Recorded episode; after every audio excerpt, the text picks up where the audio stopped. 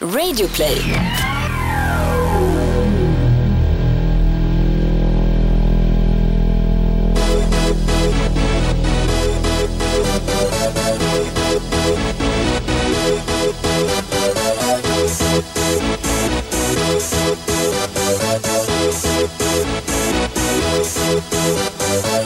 Y'all ready for this? Cause I can dance. You didn't even want me around. Now I'm back to let you know I can really shake 'em down. Do you love me? Do you...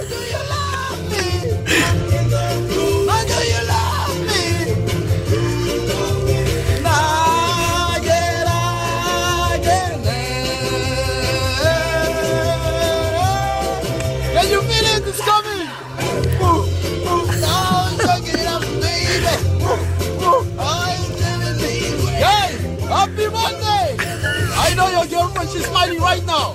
Hey, don't her in the throat. It's just excitement. I can mash potatoes.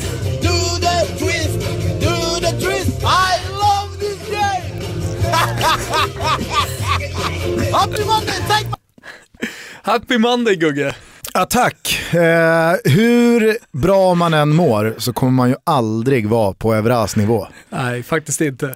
Man måste ju älska att eh, han inleder sina veckor så här. Ja, och det är sån glädje. Det går inte att spela den här glädjen. Det här är Nej, nej, nej. Det här är ju 100% genuint. ren, genuin glädje. Ja. Och jag tycker bara för att det är måndag så kan vi väl ha med oss Patrice Evra genom hela programmet här idag.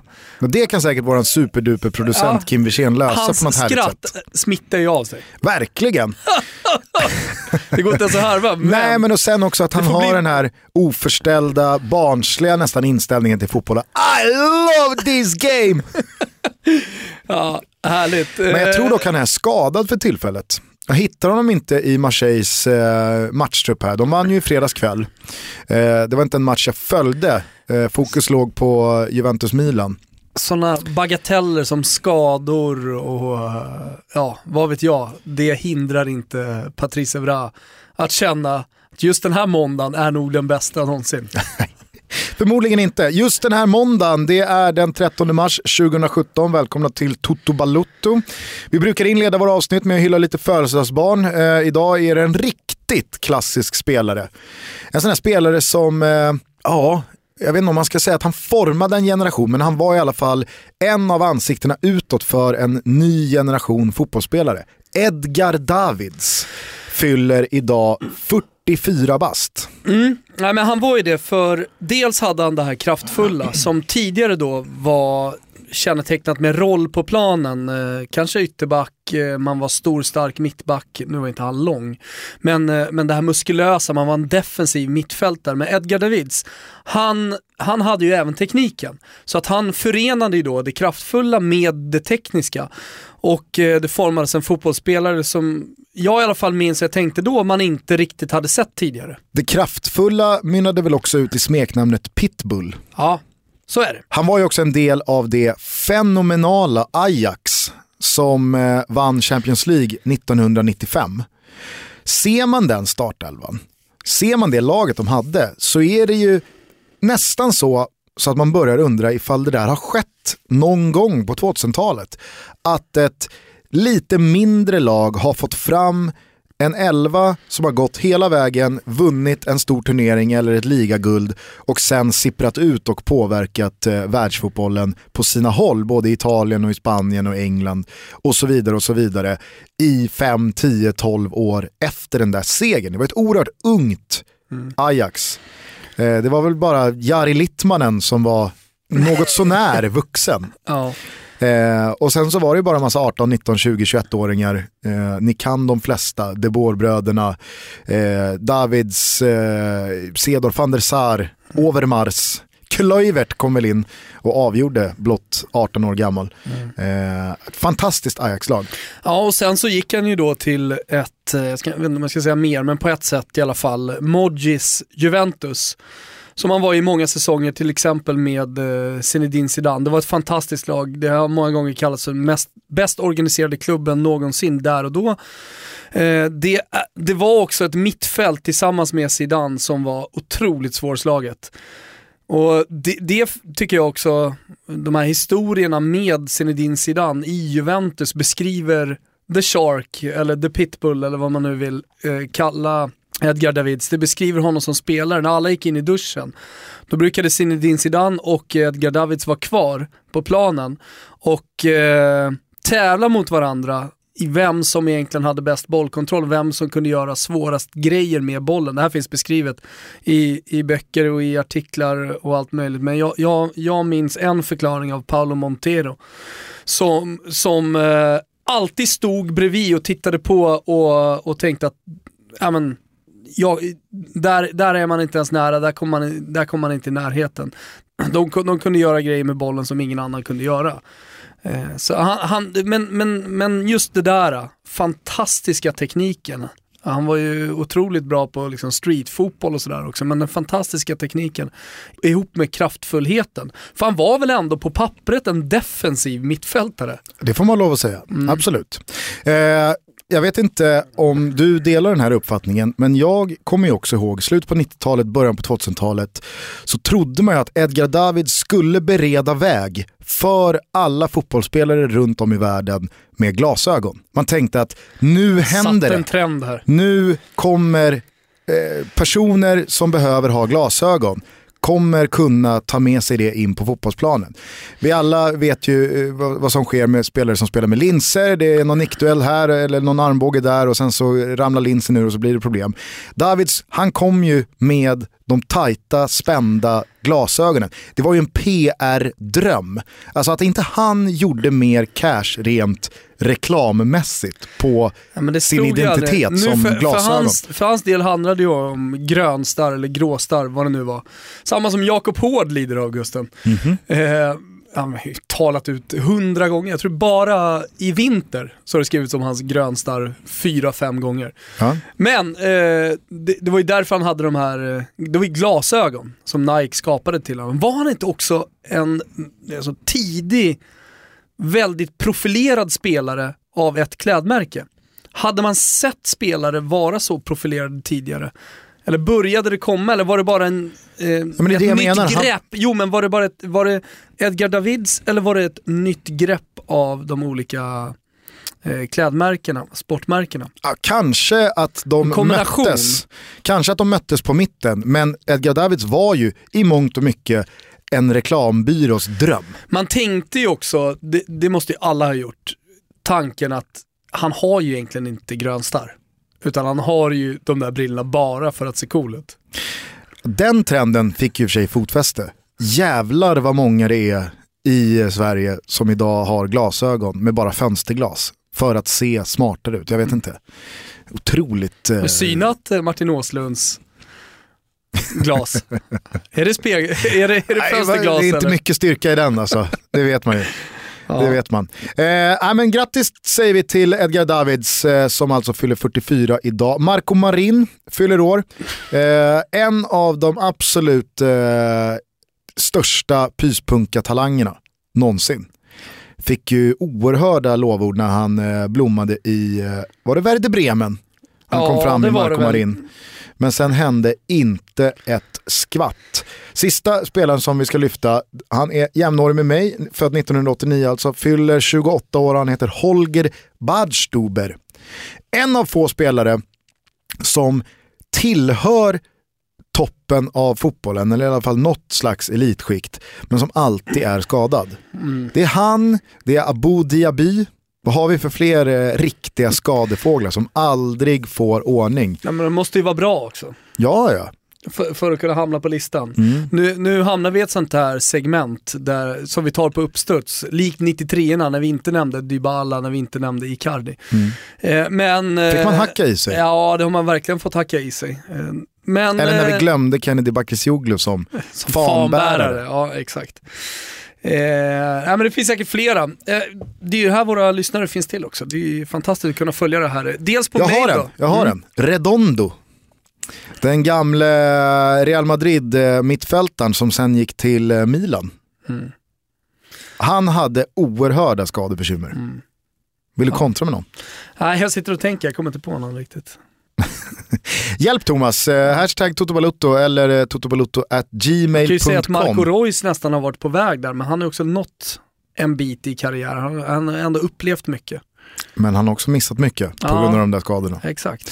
Ja, nej, vi får se. Vi eh, kan väl ta in våra lyssnare och eh, försöka fylla på den där raden av skadebenägna spelare som ändå tillhör toppen. Grattis i alla fall till Holger Badstuber.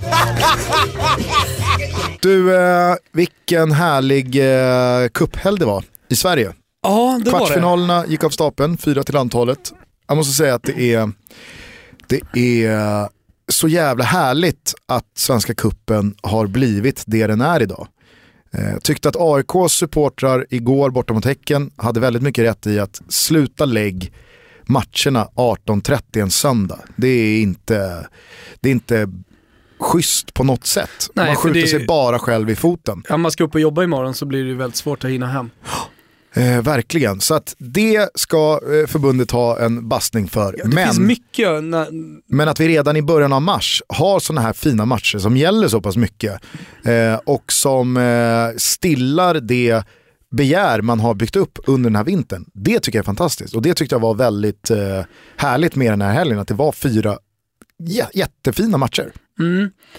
Och man måste ju landa nästan direkt här i Brommapojkarnas eh, skalp. De Mm. vinner alltså borta mot Elfsborg och de gör det på ett väldigt övertygande sätt också. Det handlar inte bara om att backa bussen och stänga matchen utan man, man, man spelar en fin fotboll. Olof Mellberg har verkligen fått till det och det här är tidigt på säsongen. Man ser ju BP verkligen flyga igenom superettan om, om, om det ska fortsätta på det här sättet. Om det här är liksom, som nykomlingar ändå som de är i superettan, om det här är BP, ska det se så här bra ut, då vet fan om det inte blir allsvenskan.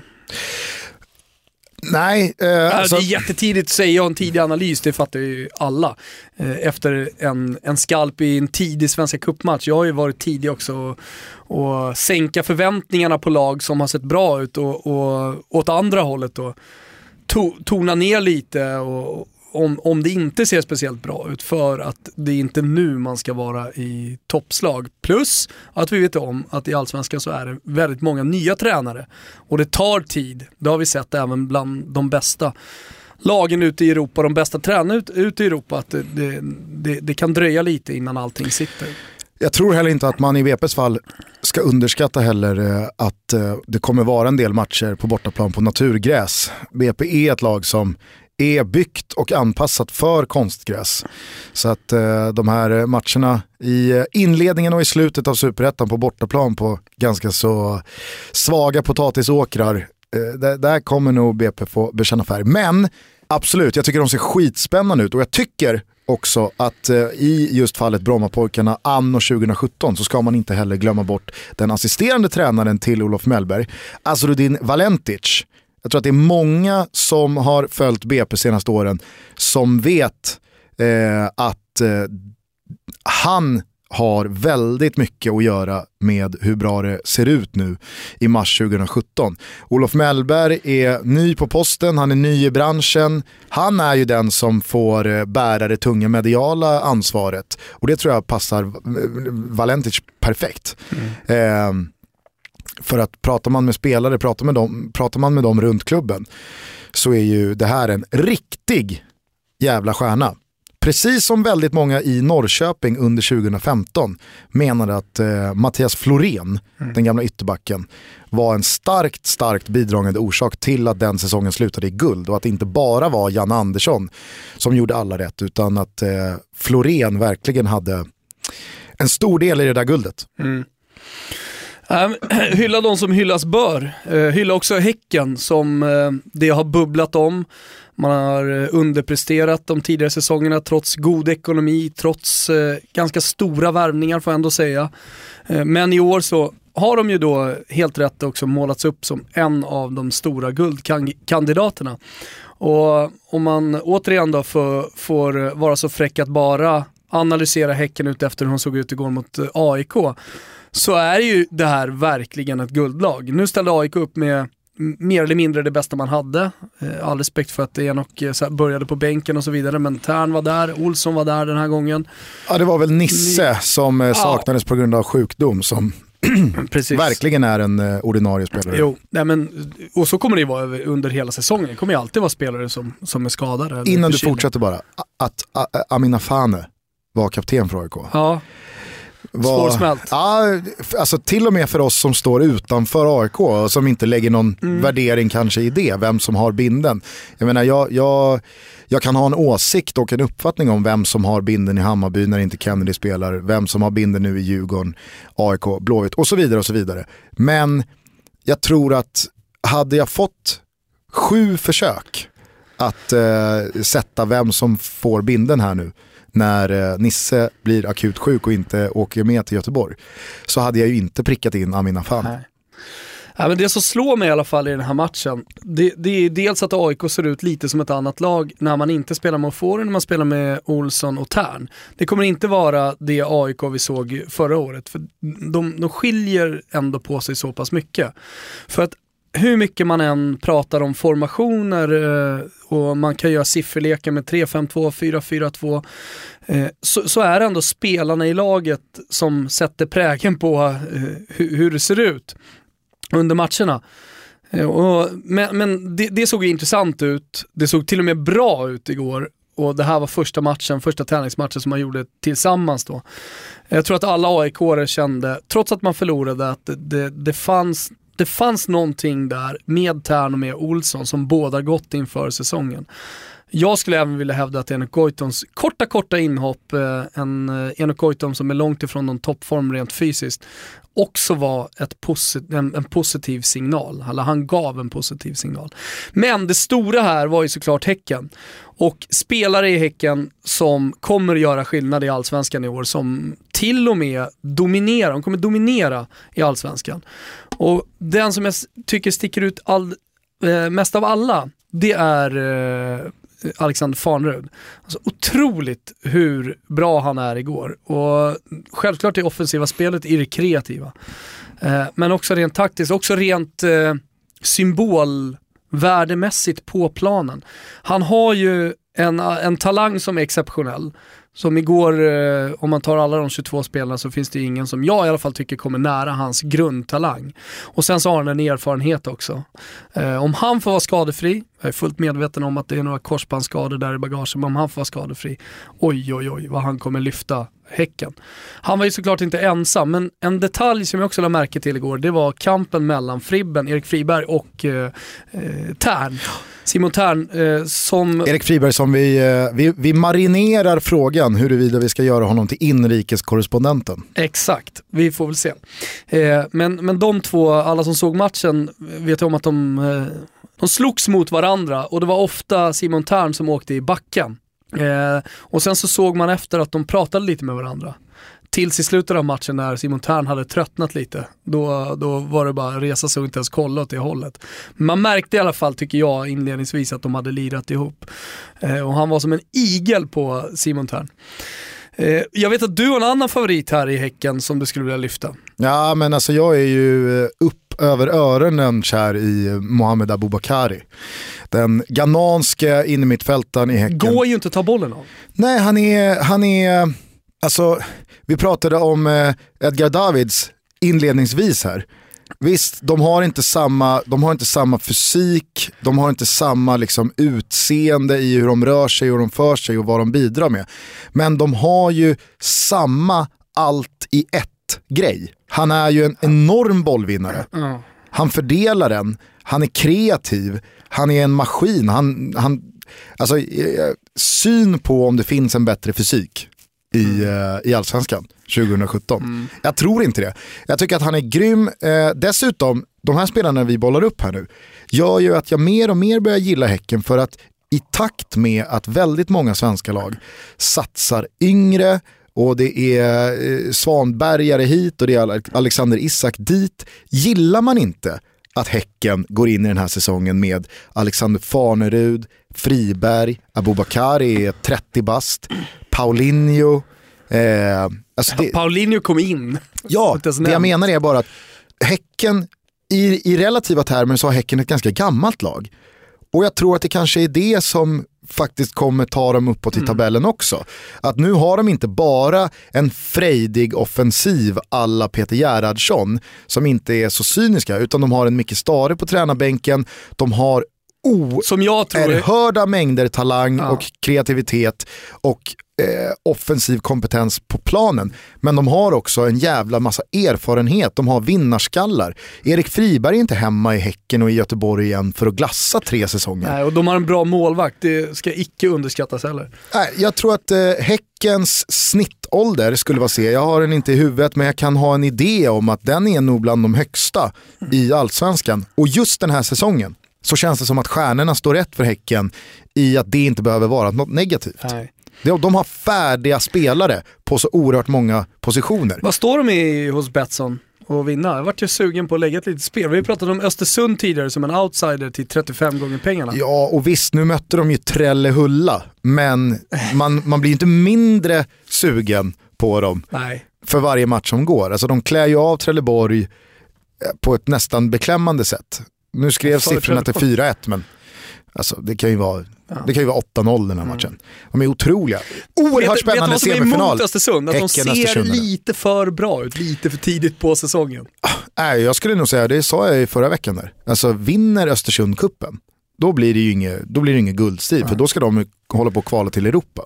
Eh, och den erfarenheten och den eh, kompetensen har de inte. Att de kan då lägga fokus på kuppen och samtidigt eh, vara med i en toppstrid. Det, vi minns alla hur IFK Göteborg gick bort sig i somras. Men det var ju en helg full av internationell fotboll, mycket, många sköna matcher, stora matcher som vi kommer att återkomma till. Eh, Men för mig så var det ändå svensk fotboll som dominerade den här helgen intressemässigt.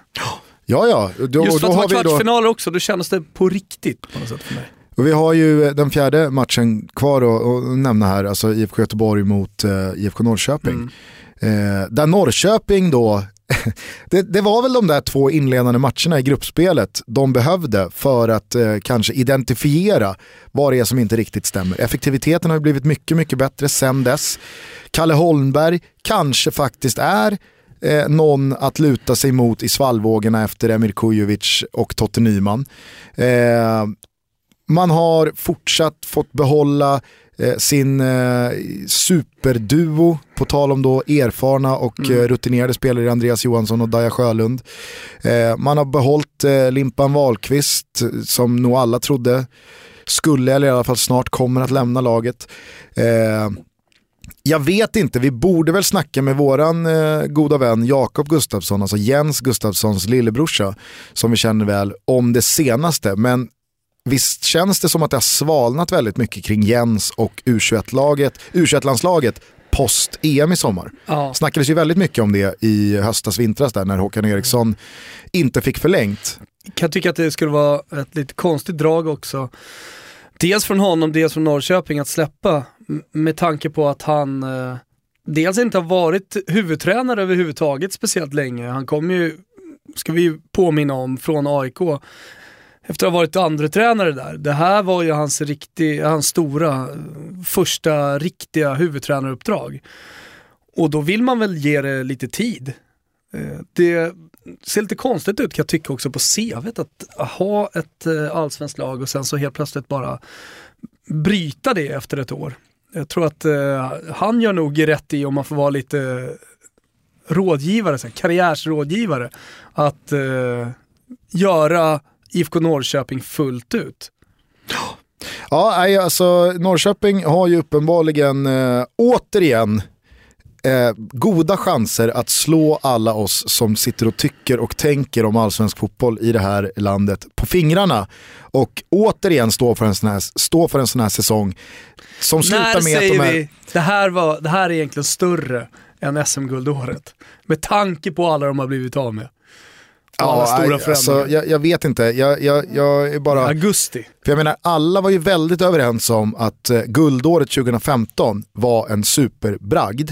Men jag tror att många trodde att man 2016 skulle vara med i toppen så länge man fick behålla stommen av sitt lag. Som alltså hade tagit guldet året innan. Och det fick man ju faktiskt under hela våren. Man ledde ju serien och jag tyckte att Norrköping under egentligen första halvan av allsvenskan 2016 spelade den bästa fotbollen i Sverige. Men blir du av med Totte Nyman, blir du av med Kujovic, alltså det är, blir du av med Traustason så är ju det till slut för många ben som försvinner. Ja. Du blir dessutom av med Jan Andersson eh, för att man skulle kunna upprätthålla den där. Ändå så är man ju med i topp tre hela året ut. kan jag tycka att eh, bli av med Janne Andersson borde ha varit eh, det stora avbräcket eh, som gjorde Norrköping mänskliga. Och eh, tillsammans då med alla de här spelarna ja, men nästan till en nedflyttningskandidat. Vi har ju sett det tidigare. Vi ser det med Leicester den här säsongen, vi har sett det med till exempel Sampdoria som åkte ur efter att ha kvalat mot Werder, Werder Bremen i Champions League. Allting bara rasa. Någonting liknande, den typen av reaktion i alla fall, borde, borde man ha sett, men eh, de gör det bra. Mm. Du frågade tidigare om oddset på BK Häcken Ja. hos eh, våra polare på. Betsson. Du får 13 gånger på BK Häcken. Man går in Nu i s- året som mm. femtehandsfavorit. Lax på det kanske. Norrköping 10. Blåvitt har ändå åtta gånger pengarna och gäller som tredjehandsfavorit. Men eh, alltså av oddsen att döma hur de sitter så ska det ju här i slutändan bara handla om Malmö FF och AIK. Eh, men nej, jag, är- jag är helt med dig. Jag tror att, eh, både, Framförallt så tror jag att jag tror att det både inte bara kommer att handla om ett lag. Jag, jag tror att Malmö FF kommer vinna i slutändan för jag tycker att de är överlägsna. Eh, det, det, det som i så fall oroar lite, mm, det, det är att de också har bytt tränare igen, att det varit ett tränarbyte för mycket.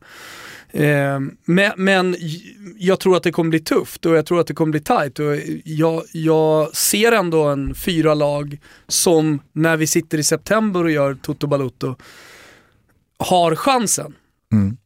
Ja, Och sen- och, nu, och nu möts ju Häcken och eh, Östersund i semifinalen. Så att eh, ett, av de lagen, ja, men ett av de lagen kommer ju gå in i allsvenskan och veta att vi kommer inte kvala till Europa League i sommar. För att man, enkelt sagt, inte har i finalen att göra. Och jag tror att det laget som åker ur den här eh, semifinalen, det kan nog fan i mig bli en... Eh, Läggmatch. Nej, inte läggmatch, men jag tror att när man summerar den här allsvenska säsongen så tror jag att det laget som förlorar semifinalen mellan Häcken och Östersund kommer sluta högst upp av de då. två i vi tabellen. kommer, ju, vi kommer ju alltså att få återkomma till det här i slutet på säsongen när det ska summeras. Låt oss minnas detta ögonblick då när vi pratar om det i november när vi blickar tillbaka Ja, och se om det har haft någon effekt. Och så tar vi med oss det och då in i Allsvenskan 2018. men eh, låt oss eh, för nu bara fokusera på hur härligt det är att prata om eh, alla de här allsvenska lagen. De ska snart in i serien, det är cupsemifinaler. Vad hade, Pari- pa- vad hade Patrice Evra sagt om det här? I love this game! Självklart.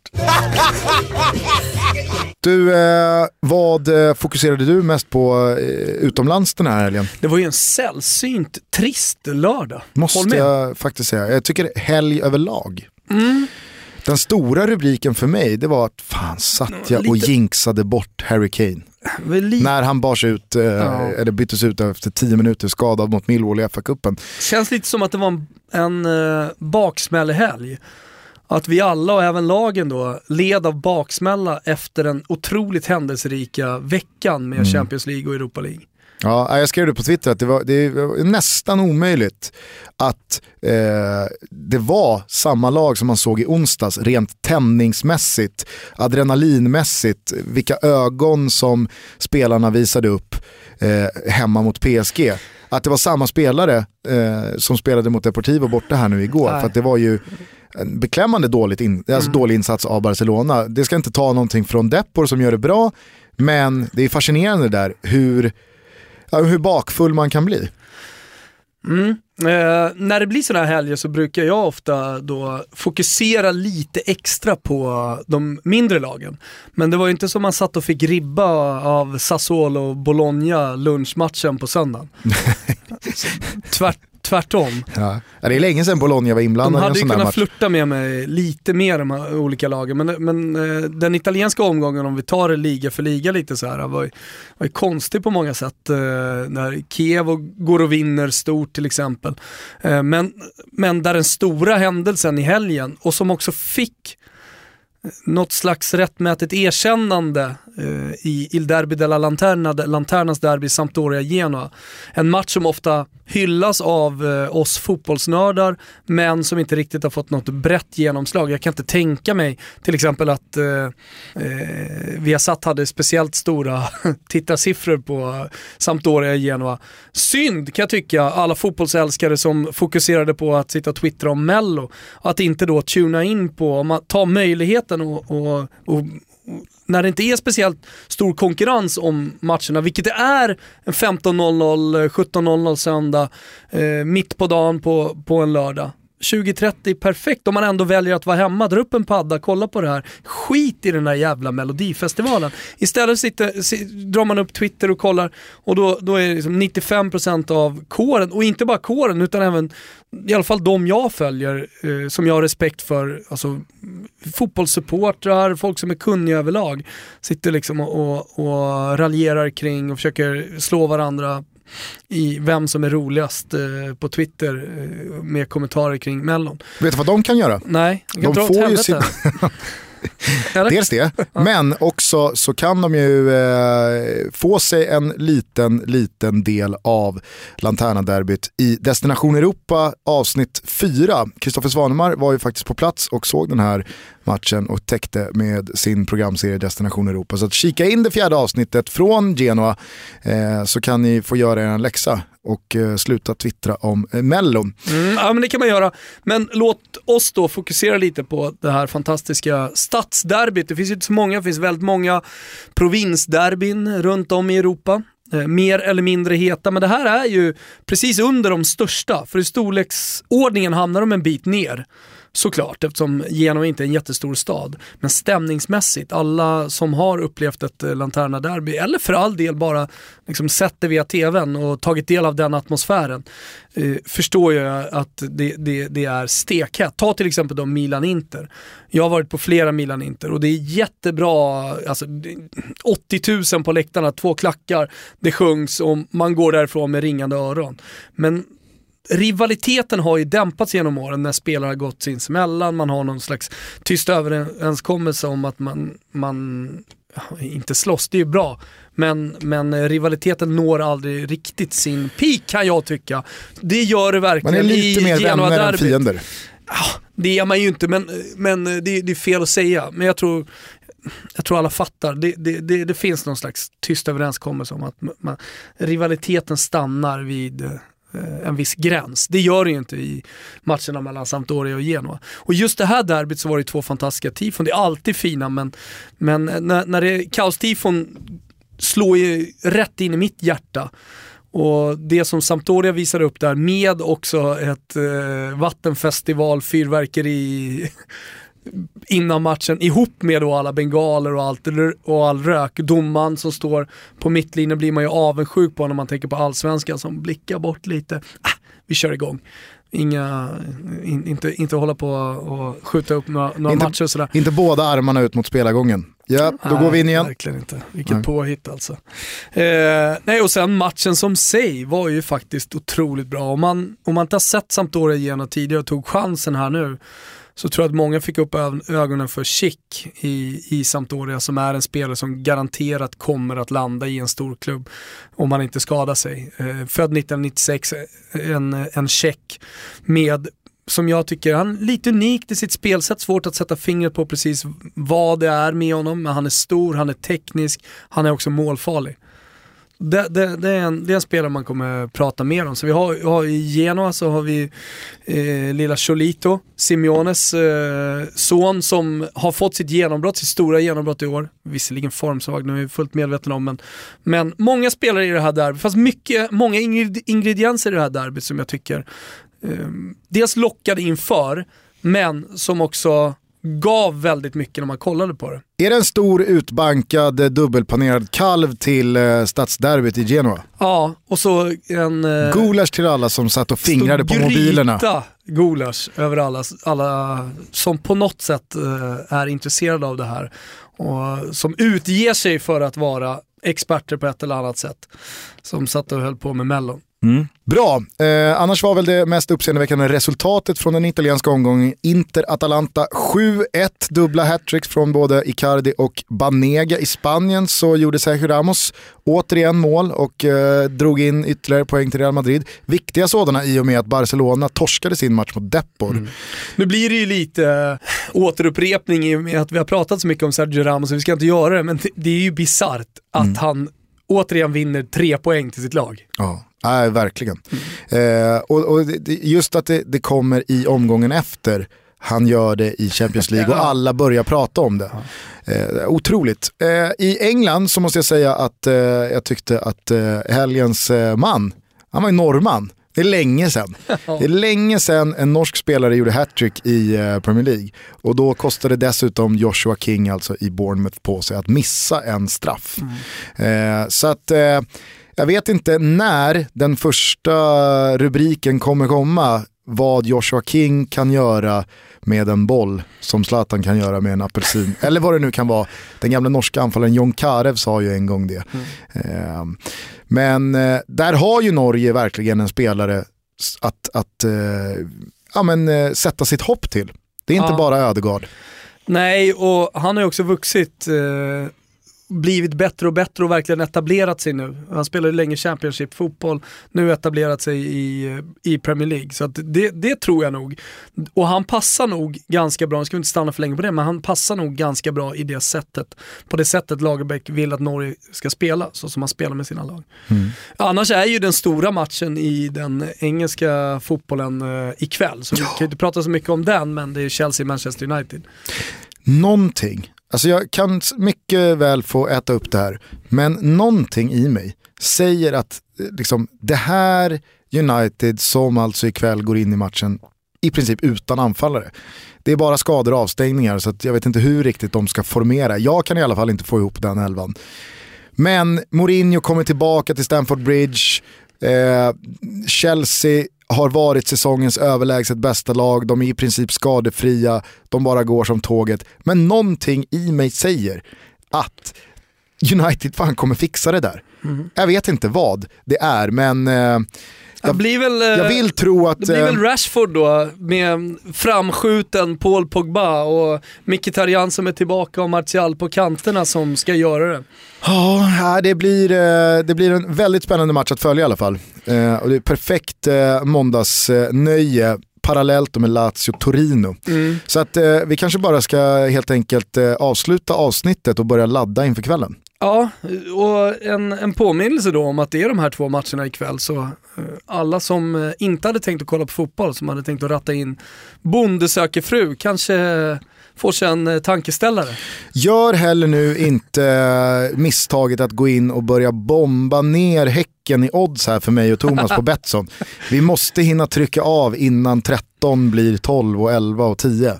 Får jag, får jag bara innan vi, innan vi går vidare Gusten, får jag bara uttrycka min stora sorg över att Toprak missade straffen i fredags kväll. Ja. Ja, jag förstår det. Toto-trippen sprack för dig redan jo, i första matchen fredag kväll. Jo, men jag får slakt av Inter. Jag, jag trodde verkligen starkt. Jag hade spelat dem med handikapp till och med själv, mm. eh, som en singel. Eh, Everton gör ju jobbet utan några som helst problem. Det är till och med tidigt mål så det är aldrig ens hotat. Nej men alltså, jag kan säga så här. Jag såg den matchen, Everton-West ja. Bromwich.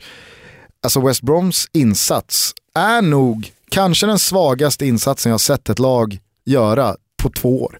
Ja. Alltså de ligger under med 2-0 i halvtid, kommer ut i andra halvlek och går inte över mittlinjen. Det är som att de har sagt, vi, kan, vi, vi tar gärna 2-0 nu om vi blåser av mm. i 50 Nej, det, var helt, det var en helt bisarr match. Hur som helst, äh, äh, återigen eh, en stark trippel får man ändå säga. Leverkusen ledde länge också, missade straff på övertid. Men det är något som sitter och jinxar en där ute Gusten. Det är någonting. Ja. Jag tror att vi har litat på Leipzig för sista gången Ja, i våra det har tripplar. vi, ja, jag, jag har ju satt min trippel som jag hade Leipzig i, så för mig är det, Ja. för mig är det lugnt. Sen skickade du över den till Ja. mig. Nu kan du ta över det här Men Gusten, tåget. vet du, när man, när man då är längst ner i skiten och ledsen över att Toto-trippen inte har suttit, vet du vad man gör då? Då Nej. lyssnar man bara lite kort på Patrice Evra, så är livet så jävla mycket roligare igen. I! Dessutom så är det ju faktiskt så att våra tripplar inte behöver sitta för att man ska kunna vinna allsvenska matchbiljetter Nej, torsdag också. valfri match i maj. En plus en, två totalt biljetter om man är med och spelar Toto-tripplarna hur de än går. Eh, på torsdag så kommer det tre nya, eller två nya tripplar med tre matcher vardera i som vi rekar. Då presenterar vi också den första vinnaren i våran allsvenska matchbiljetttävling. Men den fortsätter den här veckan också. Så att eh, lugn och fin, sitt i båten. Nu ska du och jag spela in ytterligare ett avsnitt med min käre bror. Isak Dalin har äntligen kommit till studion och det här avsnittet kommer ni kunna höra på torsdag. Så att eh, det blir en fin eh, Toto Balutto-vecka. Ja, det blir det. Champions League-åttondelar på det tisdag, Ja, onsdag. visst. Ah, vad fint det är. Sen så på torsdag så ska man åka ur mot Leon och sätta punkt, för, sätta punkt för den här säsongen också. Åka ut mot Lazio som ett sista liksom, körsbär på toppen. Ja. Eh, du vet att du berättade att du var med Fiorentina för några veckor sedan. Där är ju jag nu. Om några dagar är det över. Fan vad skönt det ska bli. Nej, du, har- jag du, säger som Patrice du Evra. har fan en eh, Champions League-titel att spela, eller plats att spela om, så kom inte här och jämför dig martyrmässigt med mig. Nej, Roma har en Champions League-plats att förlora. Det är det, du en, det det, är det något- enda vi har. Vet du, det, det är någon slags sjuka som nu sprids över världen. Det här med vem som, vem som är störst martyr. Folk som håller på olika lag. Jag, jag, jag, ser, jag ser folk överallt, oavsett storlek på lag, som intar någon slags jävla martyr, ja, martyrroll liksom. Har inte du sett det väldigt mycket på sociala medier och när man pratar och det, det är synd om en och det är så dåligt och han är så dålig, spelaren är usel. Och jag börjar tröttna på det rejält. Jag, ska hålla lite, jag ska hålla lite utkik. Det är en spaning bara som jag har gjort. Och det, det I sin linda. Ja, som är i sin linda. Men eh, jag gillar det inte. Nej. Nej. Nej, nej, det är absolut. Jag tycker snarare det har varit lite så här stjärnornas krig senaste tiden. Att man som supporter hackar på andra. Alltså det har varit väldigt alltså, de mycket pajkastning. Real Madrid, Barcelona, Juventus, Arsenal, Och det PSG, Manchester City. Men vem är det mest synd om? Det är lite det det går ut på just nu. Medan de som det verkligen är synd om, ett Parma som har blivit eh, ja, men, eh, totalt massakrerade av eh, olika presidenter de senaste 15 åren. Helsingborgs IF. Ja, alltså de som det verkligen är mest synd om. De gläds över vinster och jag ska inte säga att de ser positivt på framtiden men de följer sitt lag liksom, utan att, att, att vara martyrer. Känner de som Samtidigt som Evra? Milan-supportrarna, det, det är bland de största martyrerna som finns där ute nu. Ja, verkligen. Känner du... Men de är inte ensamma, så det här var inte, det, det här var inte ett hat bara riktat mot eh, Milan-supportrar. Men kanske jag säger vi... att de är där. Alltså. Kanske ska, kanske ska du rikta ditt kikarsikte på alla de här... Men- Manchester United-supportrarna lever jävligt farligt alltså. Mm. Det är inte ett dugg synd om er. Ska vi kanske rikta ditt kikarsikte på alla supportrar till de stora lagen som borde se på tillvaron lite mera som Patrice Evra? jo. I love this game! Hörni, eh, ta hand om er och eh, var snälla mot varandra. Vill ni oss någonting så finns vi på totobaloto.gmail.com. Det har rasat in en del eh, vignett och introförslag och det är, eh, alltså det är nya nivåer av eh, lågvattenmärken. Måste jag säga. det kan du inte säga. Jag tycker de är skitbra, alla som har kommit in är, är Några är super. riktigt svaga. Alla är super. Eh, men fortsätt gärna skicka dem, det är skitkul och eh, när det väl bränner till, ja då bränner det till och då kanske vi byter. Men än så länge så har du inte fått in något förslag som har toppat eh, Too Unlimited så att eh, vi tuggar på med den ett tag till. Eh, nu säger vi tack och hej. Happy fucking Monday! Ciao tutti! Ciao tutti!